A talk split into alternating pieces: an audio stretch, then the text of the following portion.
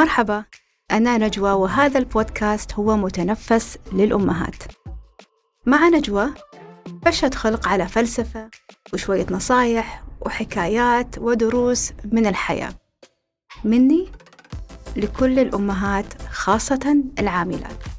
فإذا أنت مو منهم انقذي نفسك وروحي استمتعي بحياتك.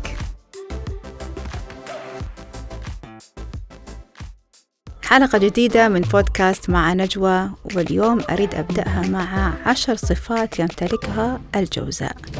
ويقال أن لو امتلكت تسعة منها فأنت جوزائي. خلنا نشوف. أستاذ في لغة العيون check. عاشق للعزلة check. عقله لا يكف أبدا عن التفكير check. لديه أرق مستمر؟ لا. يعشق الروح ولا يهمه الشكل. إلا ربع. محب لأطفاله يحب جنوني ويعاملهم كأصدقاء مية بالمية تشيك حريص دائما ألا يخطأ بحق الآخرين. نحاول سواء بعطي نفسي تشيك محب للبحر والمناظر الطبيعية. البحر لا ولكن المناظر الطبيعية مئة بالمئة عند الغضب يتحول لشخص آخر. نعم أنا أقلب تنين. واسألوا عيالي. دبلوماسي في تصرفاته حكيم في أغلب الأحيان check والله فنانة شخصية جوزائية number one وأنا أقول لو عندكم هذه الصفات أساسا بشكل عام كنتوا جوزائيين أو لا فهذه صفات حميدة احتفظوا فيها.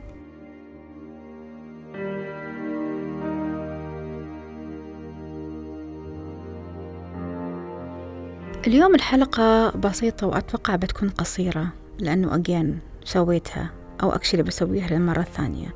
Unscripted episode. بتكلم عن حب الذات أو معنى حب الذات. أم زمان كنت أعتقد أنه لما أحب نفسي معناها آكل. لما أحب نفسي معناها أعطيها كل شيء تشتهيه. من سهر movies صديقات أكل آه، مضيعة وقت. مساجات pedicure manicure قصة شعر صبغ. كان هذا بالنسبة لي تعريف حب النفس. وكان أتوقع هذا المتعارف عليه. أنا أتكلم say تقريبا من من عشر سنوات فاتوا كان هذا معناها حب النفس. كنا شفنا واحدة مهتمة بشكلها نقول أوه هاي تحب نفسها. لكن اختلف عندي مفهوم حب النفس. بعد ما بديت أدرس ال coaching عرفت أن في levels ومستويات لحب النفس. الخارجي هو جزء منها لأن إحنا كنساء أو بشر بشكل عام نحن لا نقتصر على الشكل الخارجي. نحن أكثر من كذا. إحنا جسد وشكل خارجي وروح ونفس ومشاعر وأفكار. كل هذه لازم نهتم فيها عشان نعرف إحنا حابين أنفسنا صح ولا لا. طب okay what if الشخص اللي شكله حلو من برا كاره نفسه من داخل؟ منافق كذاب ما عنده ثقة بنفسه ضعيف شخصية متردد. ما نعرف. imagine تعيش في قفص شكله حلو بس من داخل كله شوك. ما أتخيل صراحة. فصار عندي مفهوم حب النفس لأكثر من فرع. كيف أنا أغذي روحي؟ كيف أحسن تواصلي مع الله سبحانه وتعالى؟ كيف أزيد من عقلي ومخي وإدراكي؟ أني أبدأ أستوعب العالم من اللي حوالي بطريقة مختلفة. كيف أفهم مشاعري وأتحكم فيها وأعرف أنا حاسة بشو الحين؟ كيف أعرف قيمي العليا اللي هي أصلا تتحكم بقراراتي؟ ليش أنا مبسوطة بهذا القرار وليش أنا متضايقة من هذا القرار؟ هي قيمي. لما بديت أعرف كل هذه الأشياء في رحلة ال coaching عرفت شو الأشياء اللي تعجبني شو الأشياء اللي ما أحبها. كيف أنا أحترم نفسي؟ شو الأشياء اللي أحبها في نفسي؟ شو الشيء اللي أقبله من الغير؟ شو اللي أقبله على نفسي من نفسي؟ حب النفس معناها أو حب الذات معناها أن نرتقي فيها كاملة. شو الفائدة أنا أسوي بوتوكس وفيلر ومن داخل عندي ضغينة وعندي حسد أو عندي لخبطة مشاعر ما أعرف أتحكم فيها. أو عندي أفكار غلط تؤثر علي سلبا في قراراتي مع حياتي ما في فائدة صحيح الجمال الخارجي هو أول شيء يجذب لكن باللحظة اللي تتكلم فيها إحنا نعرف من أنت من الداخل. فضروري إن كل واحدة فينا تعرف هل هي فعلا تحب نفسها أو لا. ولما أقول تحب نفسها هل هي متقبلة أغلاطها أخطائها السابقة نواقصها أو ما يسمى بنقاط الضعف؟ هل هي عارفة نقاط قوتها تستخدمهم؟ هل هي لما تشوف نفسها في المراية تكون مقتنعة بهذا الإنسان اللي تشوفه في المراية بشكلها بشعرها بتجاعيدها بجسمها وبكل تاريخها؟ ولما أقول تقبل مش معناها قبول. قبول الخطأ مختلف عن تقبل أنه هو صار أنه هو صار حقيقة. ولكن هل أنت متقبلة هذه الإنسانة بكل شيء فيها؟ لما نوصل لهذه المرحلة إن إحنا عارفين أنفسنا بالصفات الجيدة والصفات السيئة وعارفين وين نحسن وعارفين شو ممكن نحسن وكيف. هنا يصير حب الذات الحقيقي لأن أنت حب الذات نتكلم على الشيء الداخلي المكنون داخل النفس. الخارجي فقط انعكاس ترى للداخل. ما لاحظت أن في مرات يكون بنات جميلات تبارك الرحمن.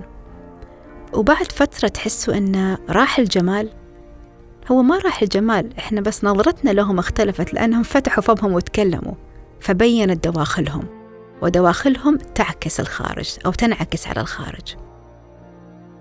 ضروري ضروري ضروري جدا أن كل واحدة فينا تحب نفسها كما هي.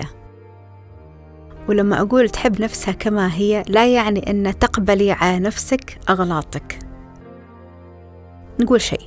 أنت لما تحبي ابنك وغلط قدامك بتخليه على غلطه ولا بتصححي غلطه؟ بتريديه يكون أفضل؟ بتحاولي بكل السبل تطوريه أو لا؟ أتوقع جوابكم صح. yes أنا, أنا بسوي كذا. لنفسك نفس الشيء. أنت حبي نفسك. غلطانة؟ yes فيك نواقص صحيح. ممكن تغيري؟ ممكن. حتى والله لو عمرك ستين سنة. من الحين أقول. حتى إذا تسمعيني عمرك ستين سنة يا ريت والله حلو يكون واحد عمره ستين سنة. تسمعني؟ nice. إذا عمرك ستين سنة لسه في مجال للتغيير. إحنا كل يوم ندعي الله اهدنا الصراط المستقيم في كل صلاة. اهدنا الصراط المستقيم. شو معناها؟ إن يا رب وريني وين الطريق الصح. ودام إن الله بيوريني وين الطريق الصح معناها أنا في عندي إمكانية أتبع الطريق الصح. وليس فقط في الدين في الحياة كلها. فحتى لو عمرك ستين سنة وفيكي شيء حابه تغيريه ما تقولي إن خلاص أنا كبرت وهذا شيء فيني وما بقدر أتغير. ممكن تتغيري. والتغيير هذا قصة أخرى بنتكلم عليها في حلقة ثانية شيء مطول يعني. نرجع لحب النفس.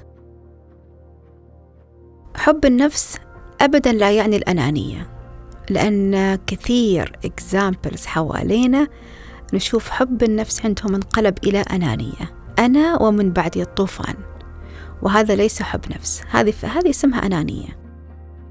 لما تفضلي نفسك على كل شيء في الحياة معناها في عندك عدم توازن في حب النفس لأن اللي تحب نفسها صح تحب تاخذ وتحب تعطي. فإذا أنت آخذ عام هناك مشكلة. وإذا أنت معطي عام هناك مشكلة. التوازن مطلوب في حب النفس. حبي لنفسك الخير وحبي لغيرك الخير. هنا أنت تعتبر نفسك حابة نفسك. أما إذا كل شيء ليكي ليكي ليكي ففي عندك مشكلة مع نفسك. قد يكون هناك نقص. حابة تعبيه بالأخذ العام هذا. بس انتبهي لهذا الموضوع. فنرجع نقول أن حب النفس حب النفس ليس أنانية. صح أنا أول ولكن ليس بأنانية. أنتوا اطلعوا بمعادلتكم اللي تحسوها مناسبة وفير إنف أن تحبوا نفسكم ولكن لا تصلوا لحد الأنانية. كيف أعرف أنا وصلت لحد الأنانية؟ بتسمعوها من الناس اللي حواليكم. بتجيكم comments تعليقات نظرات بتعرفي إن هناك في شيء غلط. أنت نفسك بتحسي إن في شيء off balance هنا. بس ممكن لأن أنت معتزة بنفسك وحابة نفسك بتقولي طز أهم شيء نفسي. فانتبهي لهذه الشعرة البسيطة. والله هي شعرة بين حب النفس الحقيقي والأنانية. بس انتبهي لها. وفي آخر فلسفتي اليوم ترى بيبين إذا حبيتي نفسك صح كل شيء حواليك بيبدأ يتصحح. إذا في كلاكيع معناها في شغل لازم تسوينه لسه. خلاص أنا خلصت لليوم. فلا تنسي متابعتي في حساب الإنستغرام للكوتشنج being.with نجوى. وأشوفكم على خير.